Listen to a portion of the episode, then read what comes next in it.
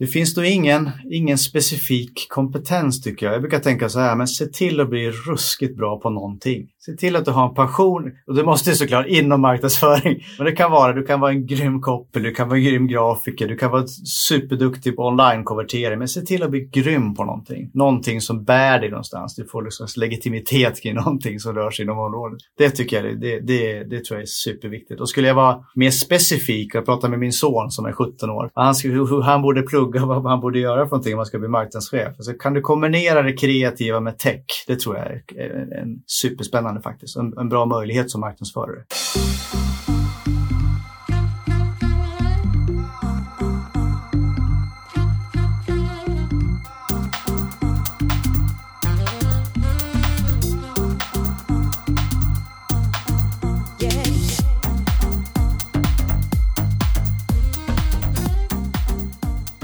Välkommen tillbaka till Digital marknadsföring med Tony Hammarlund. Det här är en podd där jag intervjuar branschexperter och marknadsförare för att lära mig mer om digital marknadsföring. Mitt mål med podden är att bli en bättre marknadsförare och samtidigt dela med mig av intressanta samtal med några av Sveriges bästa marknadsförare. I det här avsnittet har jag med mig Pino Rochinho som är marknadschef på Stadium. Pino har en imponerande meritlista och har gjort två stora och inspirerande hopp i sin karriär. Först att efter en lång karriär inom försäljning och rollen som försäljningschef ta steget över till att bli marknadschef. Och sedan ytterligare ett hopp från bank och finans där han arbetat i över 20 år till sporthandel och stadium. En resa han berättar mer om här i intervjun. Han tog över rollen som marknadschef på Stadium i november 2017 med uppdraget att driva digitaliseringen av kedjan och föra samman butik och e-handel. Pino blev utsedd till Årets marknadschef 2019 av Marknadsföreningen i Stockholm och till Sveriges bästa marknadschef 2019 inom sporthandel av Resumé. Vi börjar med att prata om Pinos karriär inom bank och finans och hur han tog steget över från försäljning till marknadsföring. Han berättar sedan om hur han gick från finans till sporthandel och rollen som marknadschef på Stadium. Vi pratar efter det om omorganisationen, hur det har fungerat och den egna innehavsbyrån. Pino berättar även om hur han ser på kundresan och samspelet mellan butik och e-handel. Du får dessutom höra om Stadiums kundklubb med över 3 miljoner medlemmar, hur Pino ser på Amazons inträde i Sverige och vad han anser krävs för att bli en riktigt bra marknadschef. Pino delar även ett antal fantastiska karriärtips som jag vet att du kommer gilla. Du hittar som vanligt länkar till alla resurser som nämns i intervjun i poddläget på tonyhammarlund.io, så du behöver inte anteckna. Efter länkarna i poddenlägget så hittar du även tidsstämplar till olika sektioner i intervjun så du enkelt kan hitta tillbaka. Men nu kör vi igång. Pino börjar med att berätta om sin karriär inom bank och finans och hur han tog steget från försäljningschef till marknadschef. Det är lite kul inför sådana här grejer. Så jag, det var lite anledningen till att jag ville vara med också. Man får reflektera lite grann över vad var det som hände egentligen.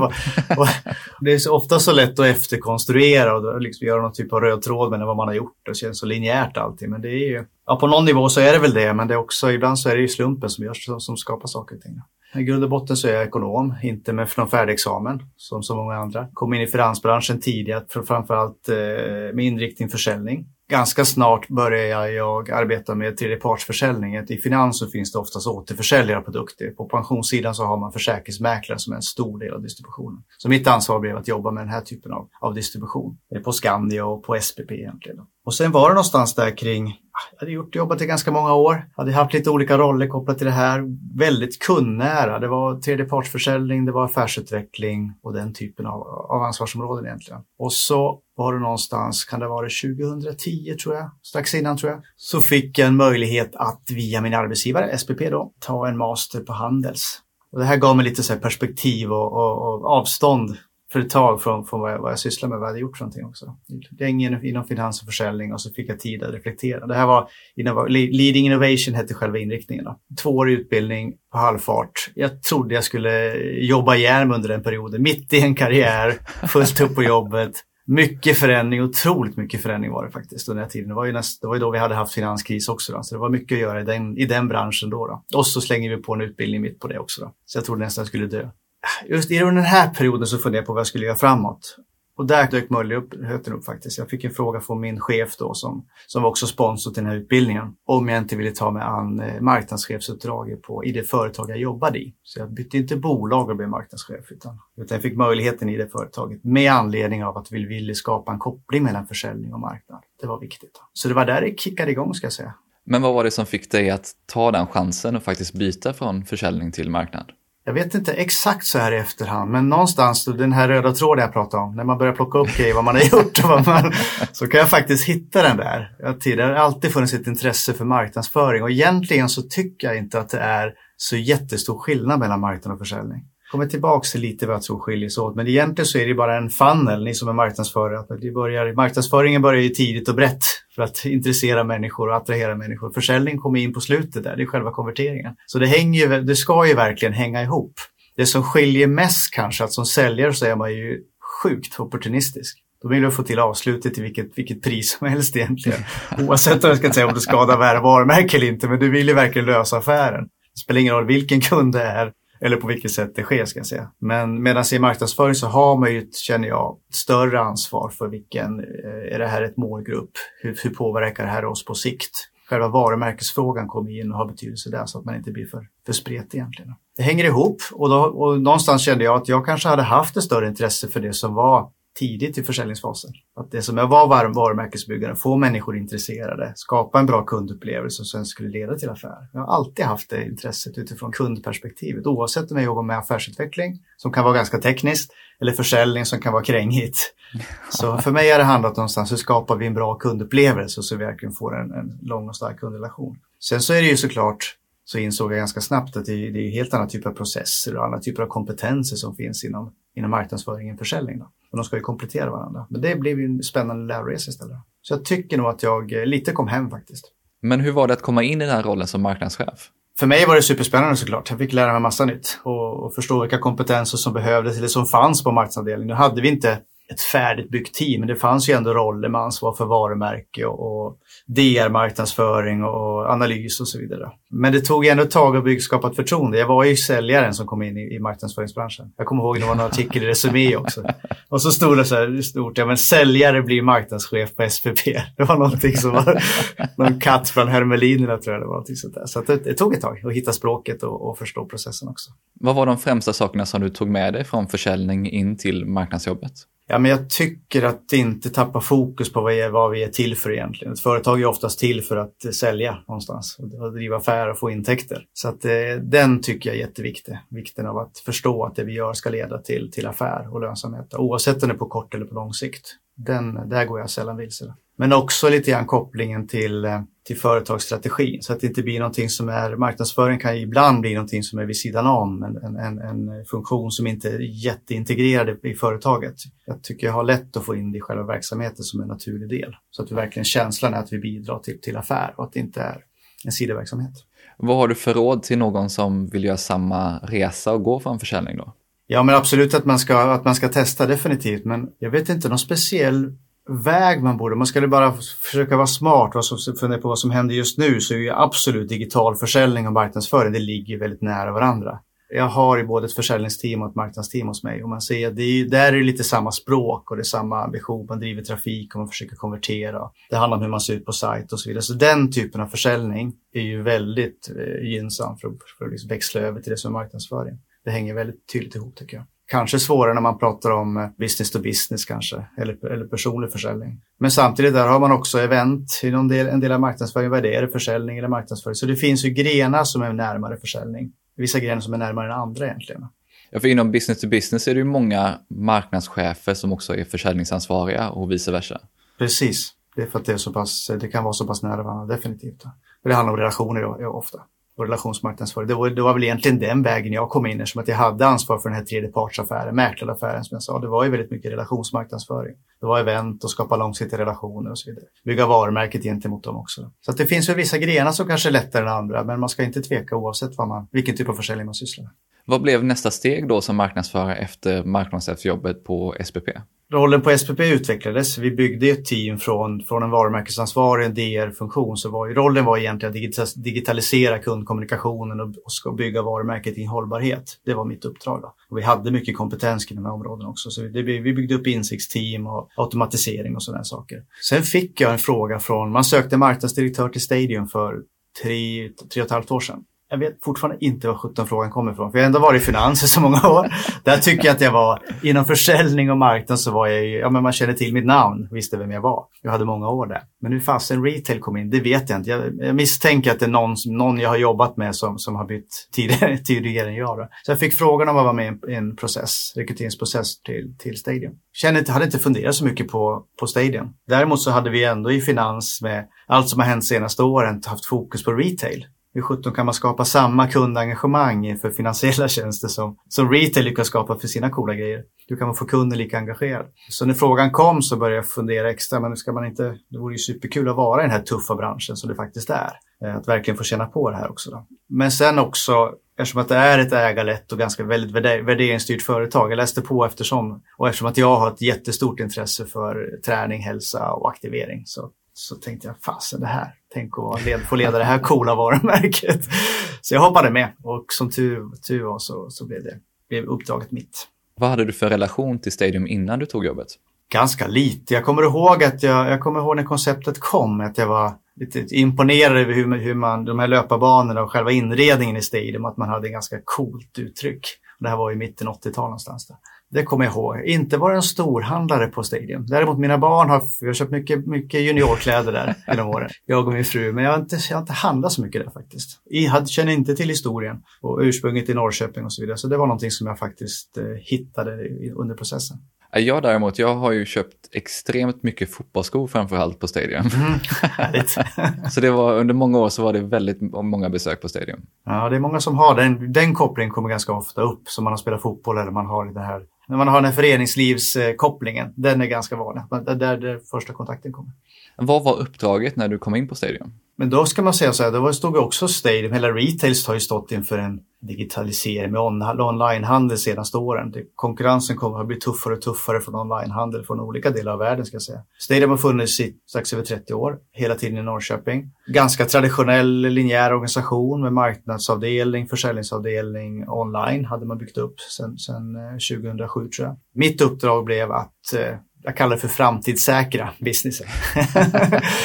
Tillsammans med ledningen såklart. Men hur, tar vi, hur skapar vi ökad digitalisering i marknadsföring, i försäljning och hur ser vi till att vi har de kompetenser som behövs för det här nya retail-klimatet som, bara, som det bara bubblar kring. Och som, som många siar om, men som få verkligen kan säga hur det kommer att se ut. Så att förändringsledning skulle jag vilja säga. Hur ser din roll ut som marknadschef idag då?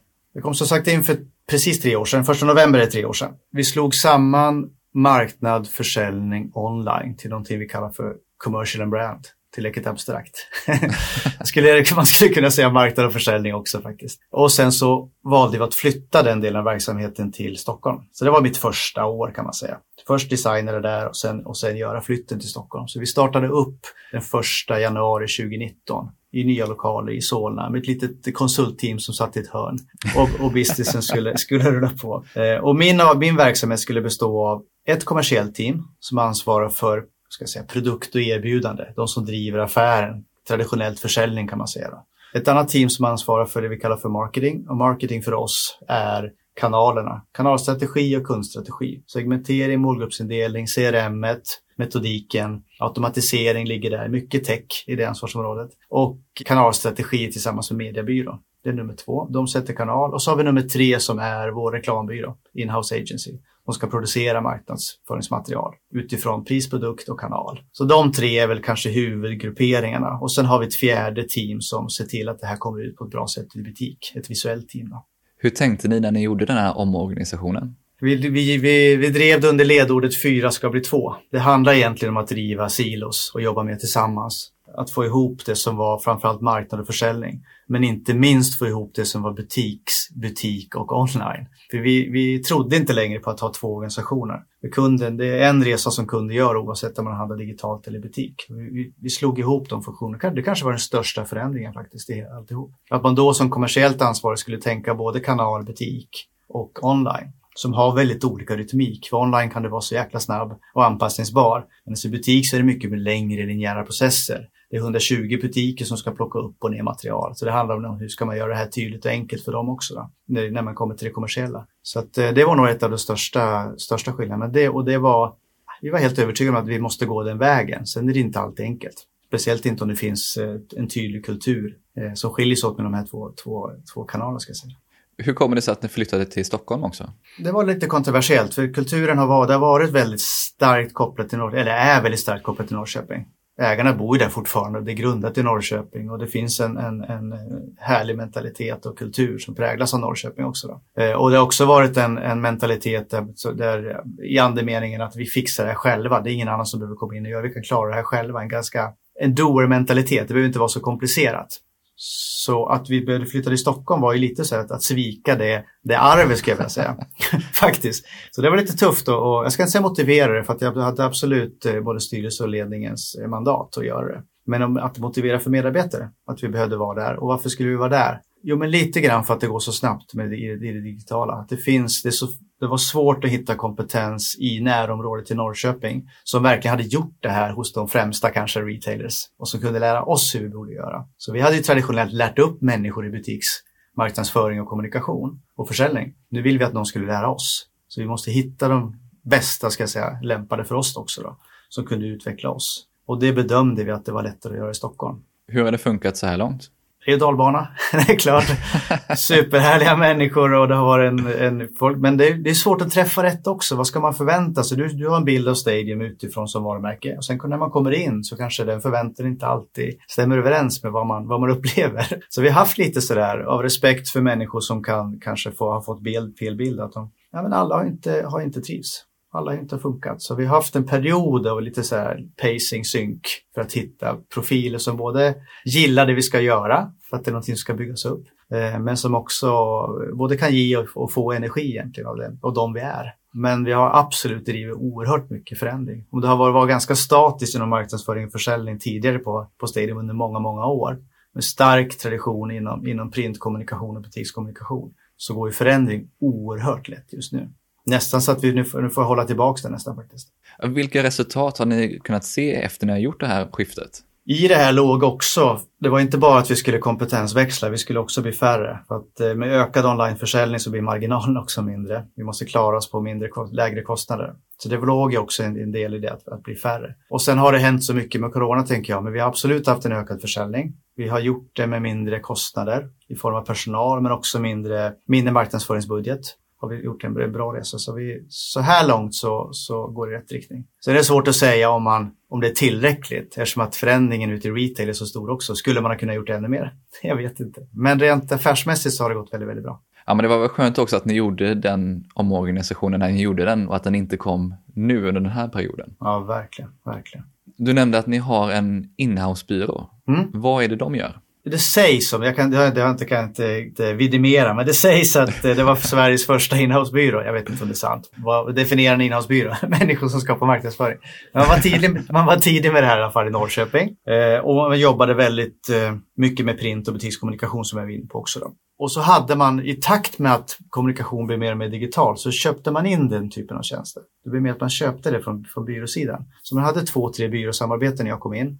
Och så gjorde man det traditionella i större utsträckning själv. Då. Och så tyckte vi då att vad fasen ska vi lägga ut det, det som är framtiden, det som kräver kom ny kompetens och behålla det som kanske håller på, på att eh, passera. Så vi gjorde en växling där mot att ja, vi producerar egentligen all vår marknadsföring i alla kanaler som vi går i, oavsett om det är tv, e-post eller, eller på sajt eller vad det kan tänkas vara, eller i butik. Så vi skapar både idé och vi producerar enheterna. Det vi kan ta in hjälp kring, det är eh, fotografer inte minst. Det kan vara regissörer, den typen av kompetens. Då. Men själva det grafiska, copyn, idé eh, gör vi helt själva. Och vi skulle vilja göra faktiskt lite delproduktioner också själva.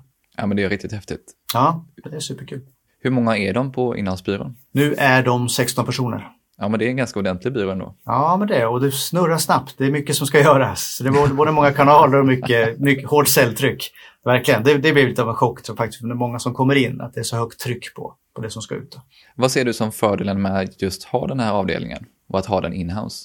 Jag tycker nu är fördelen att försöka hålla i varumärket. Man har ändå jobbat konsekvent och länge med varumärket och ju mer det börjar, ju fler kreatörer man får in, jag vet inte om du är kreatör i botten, men, men, men många som kan lyssna kanske är det. Alla vill sätta sin prägel, det är supersvårt att hålla i ett kreativt arbete. Så, så jag tror på långsiktigheten i varumärkesbyggande och får de en känsla för vad Stadium är och står för och kan plocka upp det som varit framgångsrikt tidigare så är det jätteviktigt. Så väldigt, väldigt viktigt att hålla i långsiktigt i varumärket. Sen får man se en framtid när det här har stabiliserats igen, om, om man köper in tjänster eller inte.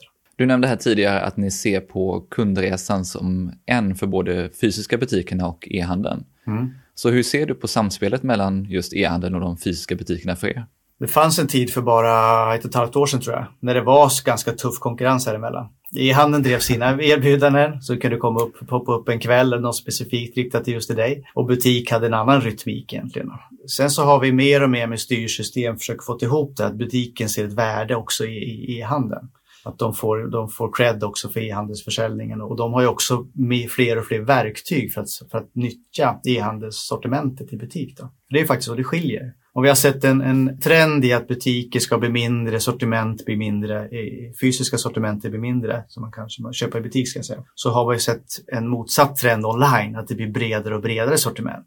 Så egentligen så tror jag många har en, ja det är få som har en, en rättvis bild av hur brett sortiment Stadium har. För man, den bild man får den får man när man går in i butik. Då. Så vi jobbar ju väldigt mycket med att försöka stötta, stötta butiken att erbjuda ett bredare sortiment till kunden som kommer in. Ifall man söker någonting som inte finns storleksmässigt eller sortiment så finns det ofta online. Då. Och det gör vi genom att erbjuda dem verktyg.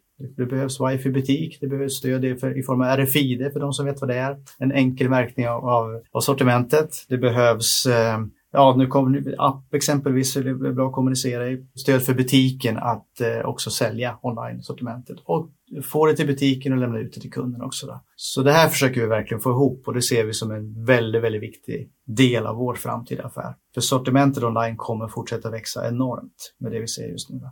Medan butikssortimentet och butiksupplevelsen måste bli lugnare och, och kanske smalare också.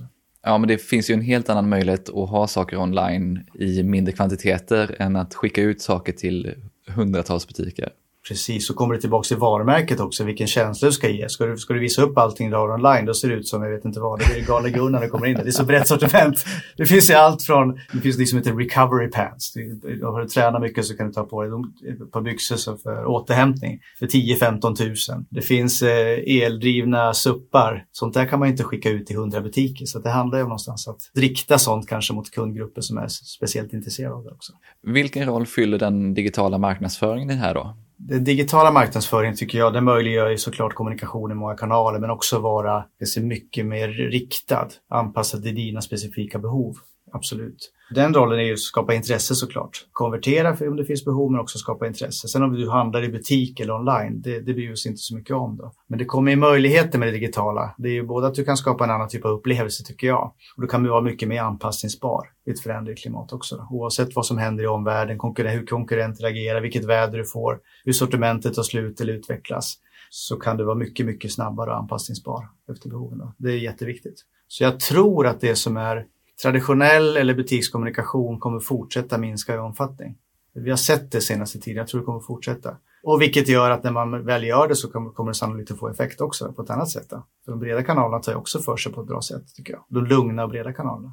Ja, för det var min nästa fråga, det var just hur du ser på traditionell reklam kontra just digital marknadsföring för Stadium. Vi har gått ifrån ganska mycket traditionellt. Vi finns i tv fortfarande, för vi ser fortfarande att det är ett, ett brett och bra media. Vi når fortfarande stora, stora målgrupper många som säger om, det, om den döden också, inte bara butiksdöden. men, men det är, så jag skulle säga att jag, jag är supernyfiken på breda, lugna kanaler också. För vissa budskap på tillräckligt hög nivå kräver ett lugn tycker jag också. För det blir sånt brus i, i det digitala, det poppar upp grejer. Du, absolut, du kan räkna på att du når många. Men det finns någonting med utomhus och med, med stor, stor bred kommunikation också. Då, som kan skapa en bra känsla och bygga varumärket på ett bra sätt tror jag. Sen så kan du inte göra, tror jag inte vi kan göra det i så superstor omfattning för det kostar pengar och det tar för lång tid också. Då. Jag försöker se butikerna som en del av marknadsföringen också. Vi har ju ändå ett hundratal butiker och skyltfönster där är en otroligt bra yta för att skapa känsla kring också. Så jätteviktigt. Jag ska inte säga att det traditionella är viktigt, men en lugn, bred kanal ser jag gärna. För att jag tror att det är viktigt att kommunicera varumärket med höjd. Men definitivt riktad och snabba är också jätteviktigt. Vilka kanaler skulle du säga är viktigast för er just nu och vilka är ni också vassast i? Det är svårt att välja ut en kanal tycker jag. Man tittar ju alltid på vilken kanal. Ofta så tittar man, i alla fall återigen tillbaka till försäljning. Då skulle man titta egentligen på vilken kanal som, som konverterar. Ja men e-post måste ju vara mycket bättre än socialt, eller hur? För det är där, man säljer mycket mer via e-post. Men det är det där med läsklick som man kanske glömmer om man inte jobbar med marknadsföring. Vilken effekt har de här andra kanalerna? Det beror på liksom var man befinner sig i, i fannen egentligen. Så att vi, vi utvecklar socialt allt mer. Vi blir bättre och bättre på det. E-post är någonting som vi har ja, men relativt många andra så har vi, vi har ju ändå tre miljoner medlemmar. Så vi, har ju, vi når dem direkt den vägen på, på, på väldigt bra sätt. Jag vet att man har pratat om e-postdöden i, i alla fall i fem sex år. det kommer säkert också dö till slut.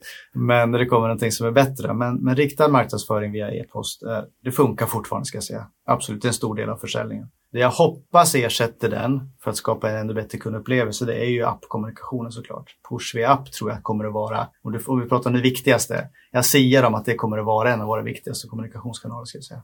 Ja, framförallt att det blir en väldigt viktig tillgång för er. Väldigt viktig tillgång tillsammans med tre miljoner medlemmar.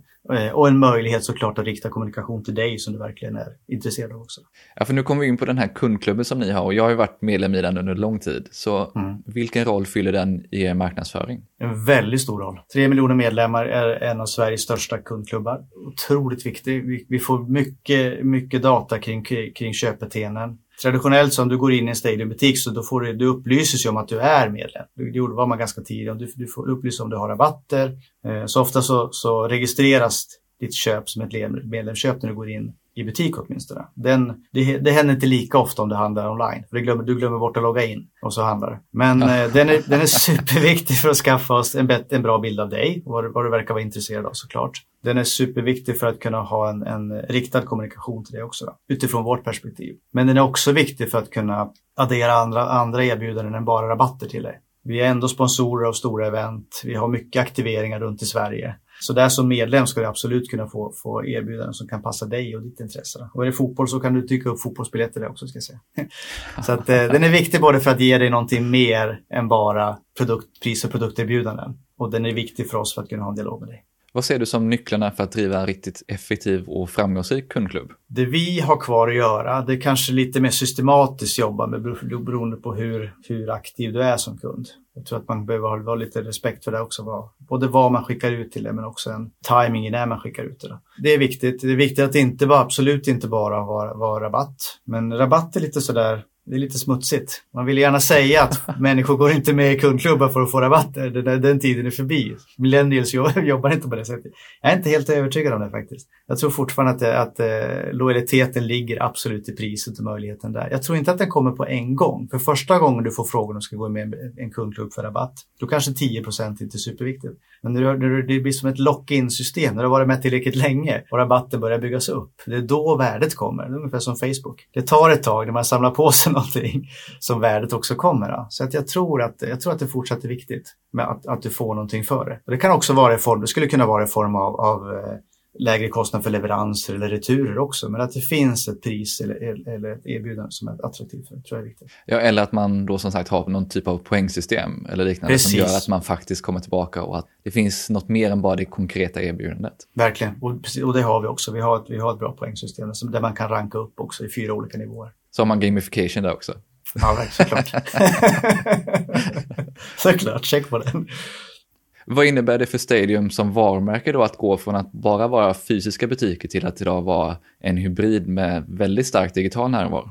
Det finns en kultur som är starkt kopplad till butik att ta emot med fysiska möten. Det finns otroligt mycket energi och vi är stolta över våra medarbetare som ofta får bra betyg för, för, för mötena i butik också. Jämfört med många så är vi mer passion ska jag säga. Men det ska känsla av att vi har passion för det vi sysslar med när man, när man träffar oss också. Det tycker jag butikerna speglar på ett bra sätt. Då. Sen ska man översätta det här digitalt. Hur ska vi skapa den känslan digitalt? Då? Och det är ju en resa att göra såklart. Så där tycker jag att vi, vi har ett, ett behov och vi är på en resa också för att, för att få ut det också i andra digitala kanaler. Men jag tror definitivt att vi är, vi har arvet med oss att vi är sprungna ur butik.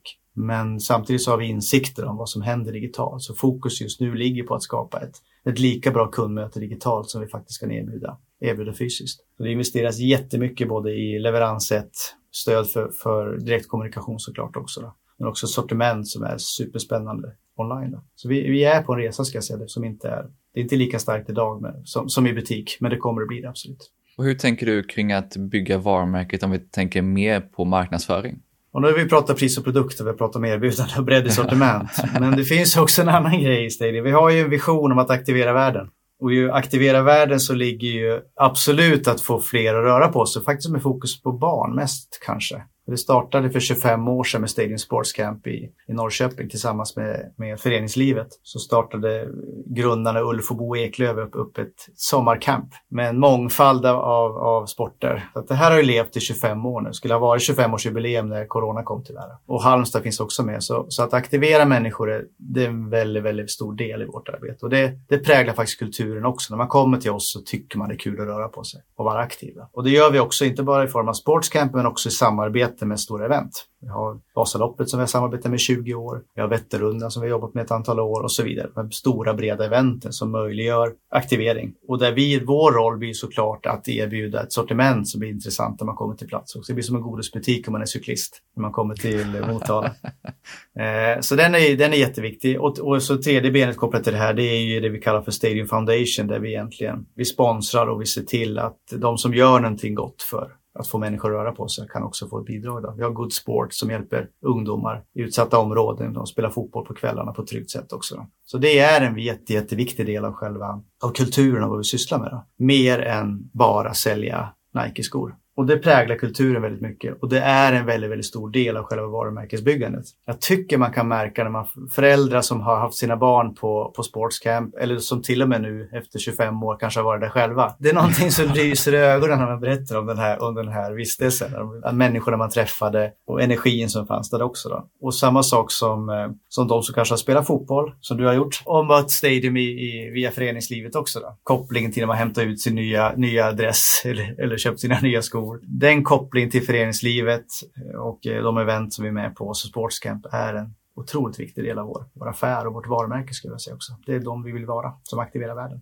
Sen har ni haft ett antal häftiga kampanjer som kommer ut. Jag kommer ihåg den här Fill the Stadium bland annat. Mm, just det. Vilken roll fyller de kampanjerna i marknadsföring? Det är ju såklart, de ska manifestera vad vi tycker är viktigt och vad vi tror på. Just Philly Stadium hade ju fokus på hur eh, ojämlikt resurser fördelas inom idrott mellan, mellan kön egentligen. Att kvinnor får ju bara en bråkdel av de pengar som, som män får fördela. Och kanske också spelartider och allt sådana här saker också. Då. Så Philly Stadium var egentligen ett upprop för att eh, få människor att fylla stadion, skicka en klapp, fyll, fyll stadion för tjejerna någonstans. Dyka upp och titta på den och uppmärksamma tjejidrotten för det är otroliga prestationer som görs. Så vi jobbade med profiler som vi faktiskt, som spelare eller, ja, som spelare i de klubbar som vi sponsrar också. Så det fanns en koppling till eh, det, samarbete vi har med föreningslivet. Plocka ut ett antal profiler som vi, som vi synliggjorde. Och så eh, uppmanade vi människor att skicka en klapp så skulle vi donera pengar också till, till kvinnlig idrott. Så mycket koppling till tjejer och, och idrott och uppmärksam, uppmärksamma dem. Det var, det var en sak. Sen gjorde vi en annan kampanj, jag vet inte om du såg, som heter Bekämpa stillasittande.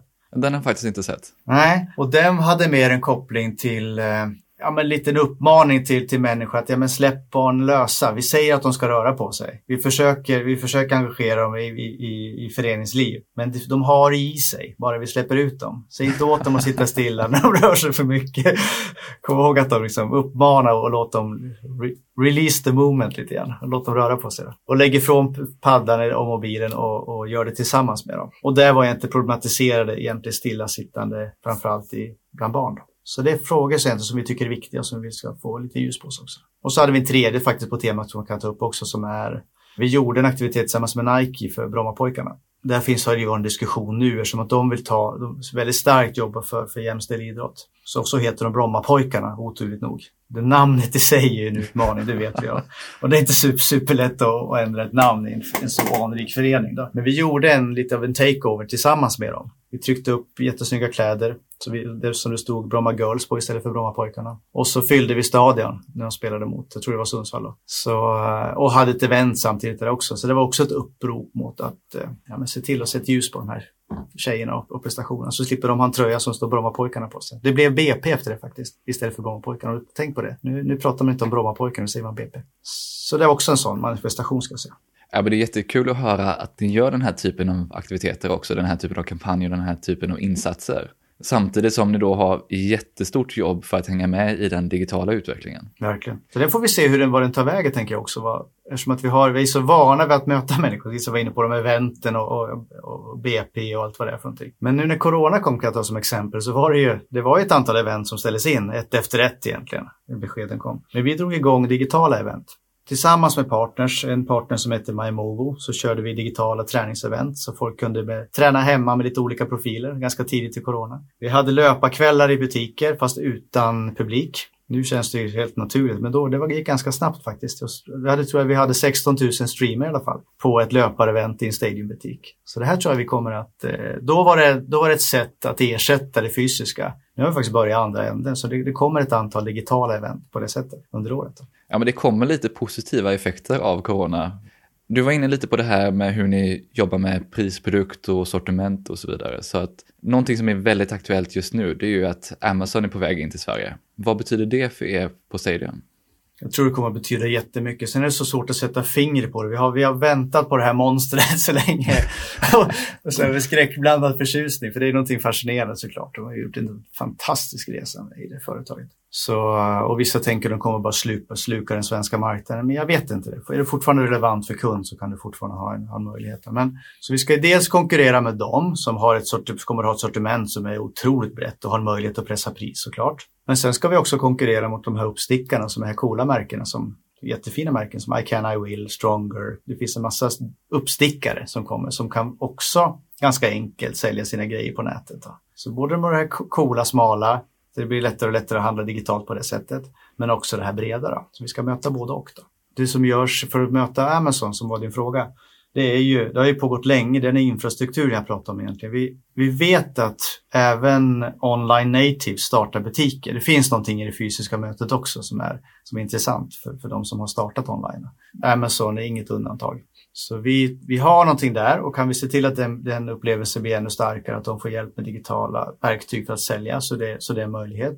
Det vi också gör nu med, med digital utveckling, vi får fler och fler tjänster för att addera ett bredare sortiment. Marketplace kanske vissa känner till. Du kan sälja andras produkter utan att behöva lagerföra dem. Så du kan få, egentligen bygga ett enormt sortiment på samma sätt som Amazon egentligen har byggt det. Då. Så det gör vi också. Vi adderar ganska mycket marketplace-leverantörer och det är en del av strategin. Så du kommer att se ett mycket, mycket bredare sortiment hos oss. Och vi vill ju verkligen bli destinationen för sport. Sport och sportmode i Sverige. Eh, så det är ett sätt att möta det, konkurrensen därifrån. Vi pratar in, funderar inte på att gå ner i prisnivå och jaga dem på där, för där har vi faktiskt ett outlet-koncept också. Då. Så Stadium ska vi addera fler produkter med, genom Marketplace och bli destinationen, men vi ska inte gå ner i pris som det ser ut just nu. Sen får vi se hur konkurrensen ser ut. Och så har vi de här uppstickarna, de här coola märkena som kommer att komma, de kommer och går. Men det, finns, det skapar ändå möjlighet för konsument att vara lite, lite så innovativ och hitta coola grejer. Där bygger vi våra egna märken som har en stark position idag, Soco Everest inte minst. Det kommer lite fler också då. Vi kommer bygga deras varumärken lite fristående från Stadium så att de får ett, ett tydligt uttryck och en tydlig målgrupp. Så de kommer också få ut mer utrymme att ta upp konkurrensen mot den typen av märken. Sen har man ju stora varumärken som Nike som testar att sälja direkt med konsument också. Gud ja, verkligen. Det är ju såklart ett, ett hot för Nike och Adidas brukar man säga, de tillsammans med något märke till står ju för 70 procent av sporthandeln. Enormt stora. Så det är klart att det är ett, ett hot, det är ingen snack om det. Och redan har de ju tagit steg, att de har valt ut färre och färre destinationer. De säljer inte lika brett som de gjorde förr, de väljer verkligen ut de de vill jobba med. Och vi har haft en fördel med att vi har haft en så pass hög modegrad i Stadium, relativt många konkurrenter, så vi har fått, vi har fått sälja lite coolare grejer än vad de andra fått gjort. Och den här resan fortsätter. Men det är klart de hellre vill sälja via egna kanaler. Jag kan inte, jag kan inte sia om vad det kommer att ta vägen, men, men vi hoppas att vi kan vara tillräckligt intressanta för att, för att få en, en destination för deras produkter också. Ja, men det var kul att höra att ni också tänker kring det här med marketplaces. Är det lite samma tänk som Elgiganten har gjort med hemelektronik som ni tittar på då? Eller vad, hur tänker ni kring det? Jag kan Elgiganten lite för dåligt faktiskt. Vi ska få det som till en naturlig del av affären. Vi satt och pratade om det igår faktiskt. Vi ska, det ska absolut inte kännas som att det är någon sidoverksamhet. Utan det ska verkligen vara en naturlig del av sortimentet. Däremot så kan det ju absolut bli ett mycket bredare sortiment.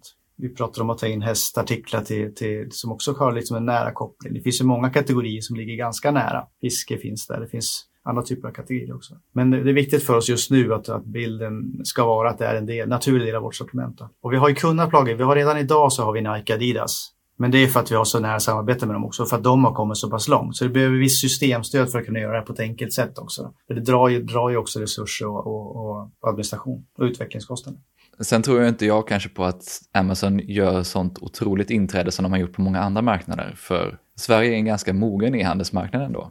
Verkligen, jag har faktiskt funderat på det. Jag ställde frågan till, till eh, systemleverantören igår till oss. Just kring det här, varför trodde de Sverige inte var... Varför är plattformar så ovanliga i Sverige ska jag säga? Relativt många andra marknader. Och jag tror faktiskt att, att den infrastruktur vi har i Sverige kring betaltjänster och det har nog, och, och, kanske logistik också då, leverans. Det har nog motverkat lite grann för det ligger ganska mycket i enkelheten i betalning, checkout och betalningstjänster, men också leverans. Det är en stor anledning till att, att, att marketplaces har fått stort fäste i andra marknader som inte har lika mogen kanske betaltjänstmarknad. Så det finns den typen av, det är inte bara bredd i sortiment, det handlar också om lite convenience, hur det enkelt är för kund.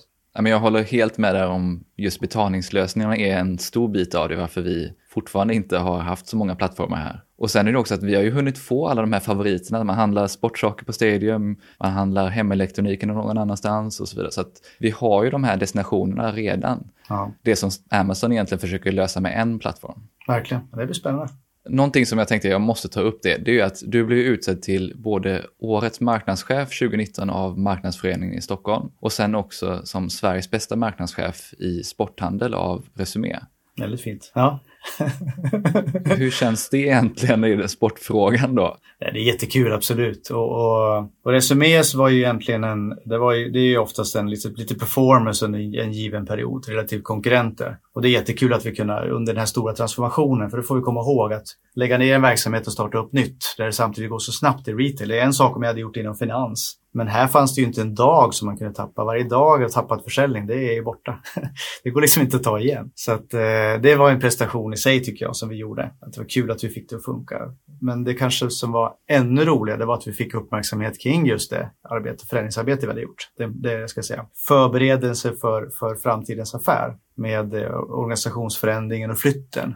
Och hur vi egentligen försöker förbereda marknadsavdelningen för för framtidens retail. Det var ju marknadsföreningens eh, utmärkelse och det var, det, var, det var otroligt skönt faktiskt att få den. Och inte som person utan som att vi som team inte har lyckats med det här. Det var jättekul, verkligen. Ett erkännande på något sätt. Så det var klart en tuff period och det är många människor som drabbas såklart så det var inte bara att göra. Vad ser du då krävs för att bli en riktigt duktig marknadschef idag? Det är ju så bred roll, för man tycker marknadschef kan ju betyda väldigt olika saker beroende på var, var man befinner sig någonstans, vilken typ av organisation, och vilken typ av verksamhet.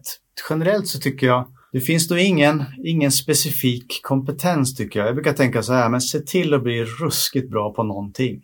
Se till att du har en passion, och det måste såklart inom marknadsföring.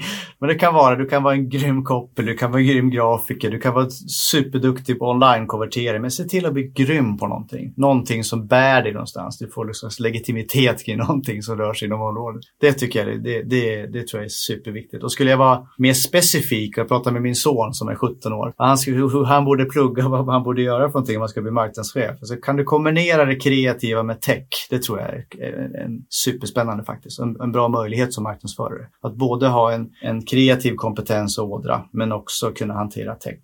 Det skulle jag nog önska att jag var bättre på. Det skulle jag säga. Men sen så också någonstans att tänka på vad som har hänt i min karriär, i mitt liv. När man har fått, när har man fått en knuff? När har man tagit steg framåt egentligen? Det är sällan när det har varit någon formell utbildning, utan det har handlat om att man har man har fått lägga ner extra mycket tid på någonting, en superpressad period, eh, lägga ner mycket tid på att. Så man har fått den här kompetensen som de andra inte har. Det blir, ett, det blir oftast ett, ett lyft och man får legitimitet i organisationen, vilket gör att man får ett, ett bredare ansvar också. Då. Så att var inte rädda för att periodvis jobba som galningar, för att det tar sig och så vidare. Sen är inte det hållbart i längden, men periodvis så kan det faktiskt vara ganska bra, en bra, ganska bra sak. Riktigt bra tips, framförallt det här sista som du sa om att göra sprinter. Att faktiskt ha chansen att träna och att särskilja sig. Och det kan vara det mest banala, men att det är någonting som särskiljer. Man fick lägga ner extra mycket tid. Det kommer ihåg när jag ansvarade för tidigt i min karriär, fullmaktshanteringen i, i finansbranschen. Alla tyckte att det där var supertråkigt, ingen ville syssla med det. Och jag blev verkligen, jag blev grymmast på det där och förstod hur det funkade, hur det hängde ihop och faktiskt också vilken betydelse det hade för affären. Som också gav mig större mandat och tog mig vidare. Och sen som marknadsförare, marknadschef tycker jag, man, du måste ju gilla för det handlar om ganska mycket förankring, det handlar om att skapa ett förtroende för det du gör så att du får fortsätta ha de mandat du har också. Så det är lite omdöme i det där såklart också. Se till att vara i synk med, med dina chefer och organisationen.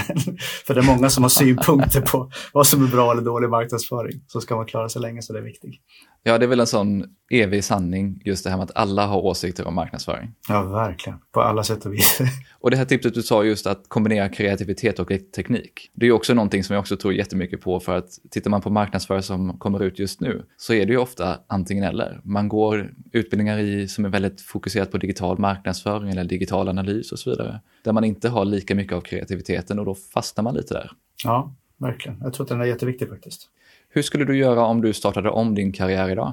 Jag skulle ha börjat den här resan mycket tidigare. Jag älskar retail, det här jag sysslar med. Och faktiskt också att jag har, sen kanske det är någonting som kommer med tiden, men att det är svårt, att välja fritt när man är, startar sin karriär såklart. Men att jobba med det man verkligen tycker är kul. Jag tycker fortsatt jag tycker att träning och hälsa och aktivitet är någonting som jag sysslar med ett liv och brinner för, den är jätteviktig. Så att jag skulle nog tagit steget både mot marknadsföring, retail och eh, sportbranschen. Mycket, mycket tidigare och inte minst eh, det, det, det, det är viktigt den här kopplingen till någonting som man brinner för. För ska man lägga ner mycket tid på det periodvis i sprintar som vi sa, så, så kräver det att det finns en passion också. Och då tänker man inte på att det är mycket tid.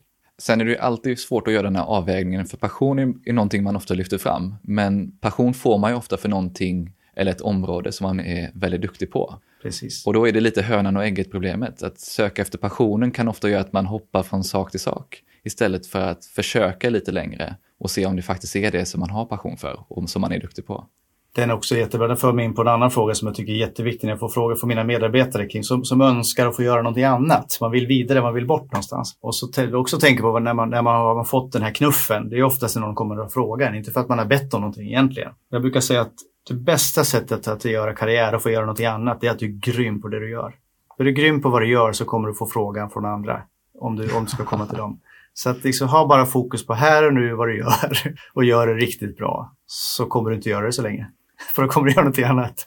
Nej, men det är så sant. För det hjälper verkligen inte att klaga på det man har och titta efter något annat. Vad tittar du på när du rekryterar marknadsförare?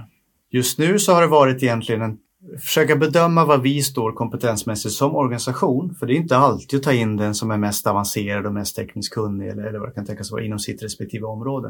Jag känner också att det handlar om att pacea lite grann och synka med, med, med var vi står som organisation och vad, hur, hur långt teamet har kommit i sina processer. Då. Så den är viktig. Vad är good enough kompetens just nu? Då? Men samtidigt att man såklart kan hjälpa till att förflytta. På Stadium har det varit ganska mycket kring profil, eller ska jag säga personlig profil. För jag vill att man ska känna att man får energi av hur vi är och vilka vi är, men också att man kan ge energi till sin omgivning. Då. Så personlighet är, är, är, väldigt, väldigt viktigt. Så därför ska man inte bli besviken om man inte får ett jobb och tro inte att, att man inte duger. Det kan vara ens räddning att man inte fick det. För det kan faktiskt vara så att, att när man bedömer att man inte skulle få den energi man skulle behöva om man, om man verkligen fick jobbet. Då. Så, så den, är, den är jättesvår och den tycker jag är ont i magen varje gång jag ska rekrytera. Just utifrån den. De vill ju leverera någonting som arbetsgivare också då. Men den är väldigt, väldigt viktig att kunna klara av att bedöma om man kommer trivas i organisationen eller inte. För trivs man så kommer oftast energin också. Är det några specifika kunskaper eller färdigheter som ni söker just nu? Nästa steg kommer att handla om, ska vi utveckla oss eh, ska säga, kompetensmässigt så det skulle kunna vara filmproduktion brukar min inhousechef prata om. Det kunde, skulle kunna vara ett nästa steg, någonting vi skulle kunna äga själva också. För att äga en, en större del av processen själva och inte minst med tanke på hur, hur viktiga sociala kanaler också är och vilka möjligheter som finns kring snabb egenproduktion där. För att hänga med som marknadsförare just i den här extremt snabba utvecklingen så kräver det också att man själv fortsätter att utvecklas. Så hur gör du det? Och det där är ju svårt, framförallt att skapa trovärdighet hos medarbetarna som har så mycket kompetens.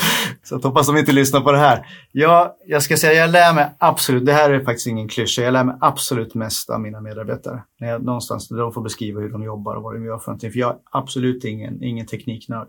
Återigen tillbaks till, jag är jätteintresserad av kundupplevelse och det lägger jag ner mina tankar mest kring. Men lösningar är jag ganska dålig på. Däremot så, så förstår jag att det har betydelse. Så jag lär mig definitivt mest från, från mina medarbetare. Jag får lyssna på dem och, och delta i vad de pysslar med för någonting. Sen så försöker jag såklart i nätverk plocka upp. Det kan vara kring transformationer var en sån fråga som att vi har gjort en stor förändring nu. Jag brukar lyssna på andra case. Jag funderar just nu på hur kommersiella kalendern ska se ut i den här nya digitala världen. Hur har andra gjort? Jag har träffat några aktörer. Jättespännande att se hur de har gjort det. Vi behöver göra en stor förändring till de frågorna. Där har jag nätverket som hjälper till. Men sen lite grann kring, kring omvärld så ja, men det, är lite, det kan vara poddar, det kan vara seminarier kanske var förut men inte jättemycket. Mer poddar i sådana fall, lyssna på folk som har. Och framförallt tycker jag om att lyssna på människor som har gjort det, som har en story att berätta. Någonting att hänga upp det på, mer än att det är en schematisk bild eller en beskrivning, man, en konsultbild hur man borde göra. Det här, det här verkliga caset tycker jag, tycker jag absolut, är mig absolut mest Sen får jag säga också såklart genom att göra, genom att testa såklart, den är, den är viktig. Har du några specifika tips där på poddar eller andra resurser som du ofta tittar på? Poddar så brukar jag gilla ju Mark Ritson just nu. Han, han får ju mycket uppmärksamhet. Jag tycker om hans, hans approach och tillnärmning till marknadsföring. Så att jag lyssnar på, just nu så lyssnar jag på Everybody Hates Marketeers. Jag tror att det är en fransman som kör den podden. Det tycker jag är kul. På, lite på varumärkesnivå. Oftast är det på den nivån. Kommer det bli för, blir det för teckenriktat så tappar man mig. Men generellt, den tycker jag är bra. Och så lyssnar jag lite faktiskt på Market, vad som händer där. Lite personer som uttalar sig kring vad som händer i bolagen. Och så har jag, det är digital, lyssnade på i morse när jag satt på träningscykeln. Det är kul att höra vad de pysslar med. Det är alltid lika intressant att höra hur andra marknadsförare och marknadschefer, hur de faktiskt håller sig uppdaterade och gör sin omvärldsbevakning. Men jag tycker det är svårt, för ofta så blir, kommer lösningen i, för mig som inte är en riktig techperson, ofta så får jag förslag på tekniska lösningar som, som ska revolutionera. Och alla, ofta så är det stora tal också, eftersom det är digitalt så blir det stort. Liksom. Eh, och det är svårt tycker jag att sia kring vad som är, det finns ju massa bra saker i det såklart, men du kan ju inte springa på allt. Så jag försöker hålla mig på en annan nivå. Var följer man er på Stadium allra bäst någonstans? Jag tycker man får en mer, bättre, bättre helhetsbild av Stadium man följer oss på Instagram faktiskt. Jag tycker att hon, vår sociala, sociala media manager har gjort ett, skapat ett jättebra flöde. Där får man en ganska bra bild av vad som är aktuellt och vad vi vill förmedla. Den är jätteviktig. Sen tycker jag appen är bra. Ja, den är Stadium-appen, så kanske du får en personlig erbjudande. Ja, men den är ganska ny för oss och där ska vi faktiskt, eh, vi ska säkerställa så det blir en riktigt bra kanal. Ja, men jag ska ta och kolla in appen. Jag får ju e-posten, men appen ska jag kolla in. Innan vi avslutar så vill jag också passa på att kolla var man hittar dig bäst någonstans. Mig hittar man bäst på cykeln i växthuset. på min trainer. Eller på vägarna i Sörmland. Jag cyklar ganska mycket. Nej men annars så, jag finns på sociala kanaler såklart. Jag finns både på Instagram, Facebook och, och på LinkedIn. Det var riktigt kul att prata med dig idag Pino. Tack så hemskt mycket för att du ställde upp på den här intervjun. Ja men återigen stort tack. Det är jättekul att få vara med och ventilera sina tankar och se om den här röda tråden förändras eller om jag fortfarande samma bild vad, vad var det som hände. kan vi kolla om något år och se vad som, om det fortfarande stämmer. Nej men stort tack. Man kan inte annat än att bli imponerad när man pratar med Pino som har gjort en otroligt häftig resa från försäljning och bank och finans till marknadsföring och sporthandel. Och jag tyckte också att det var väldigt intressant att höra om hur Stadium verkligen ställer om sin marknadsorganisation för att riva silos mellan butik och e-handel. Det var också kul att höra Pino berätta om hur han och Stadium rustar för att svara mot Amazon och varumärken som går direkt till konsument. Jag tar med mig mängder med saker från intervjun, inte minst att det går att göra stora hopp i sin karriär men också om allt från hur en kedja som Stadium arbetar med marknadsföring till fantastiska karriärtips. Här är tre av de främsta sakerna som jag tog med mig från intervjun. 1. Att det bästa sättet att göra karriär är att bli riktigt grym på något som kan både särskilja dig och driva karriären framåt. 2. Att man måste vara beredd att jobba som en galning ibland om man verkligen vill utvecklas och göra karriär. Och 3. Att än en gång få bekräftat hur viktigt och eftertraktat det är att kunna kombinera teknik och kreativitet. Jag vill som vanligt gärna höra dina tankar och vad du tog med dig från avsnittet, så skicka gärna ett meddelande eller en kontaktförfrågan till mig på LinkedIn. Du hittar som vanligt länkar till de resurser vi nämnde i poddenlägget på tonyhammarlund.io. Och har du några frågor till Pino så kan du ställa dem i kommentarerna direkt in i poddenlägget. Gillar du det här avsnittet och podden så vill jag som vanligt påminna om att prenumerera och tipsa gärna andra om podden. Avslutningsvis vill jag passa på att tacka Mikael på Newberries Music som hjälper till med att producera den här podden och stå för musiken. Vi hörs snart igen med fler intressanta gäster och ämnen.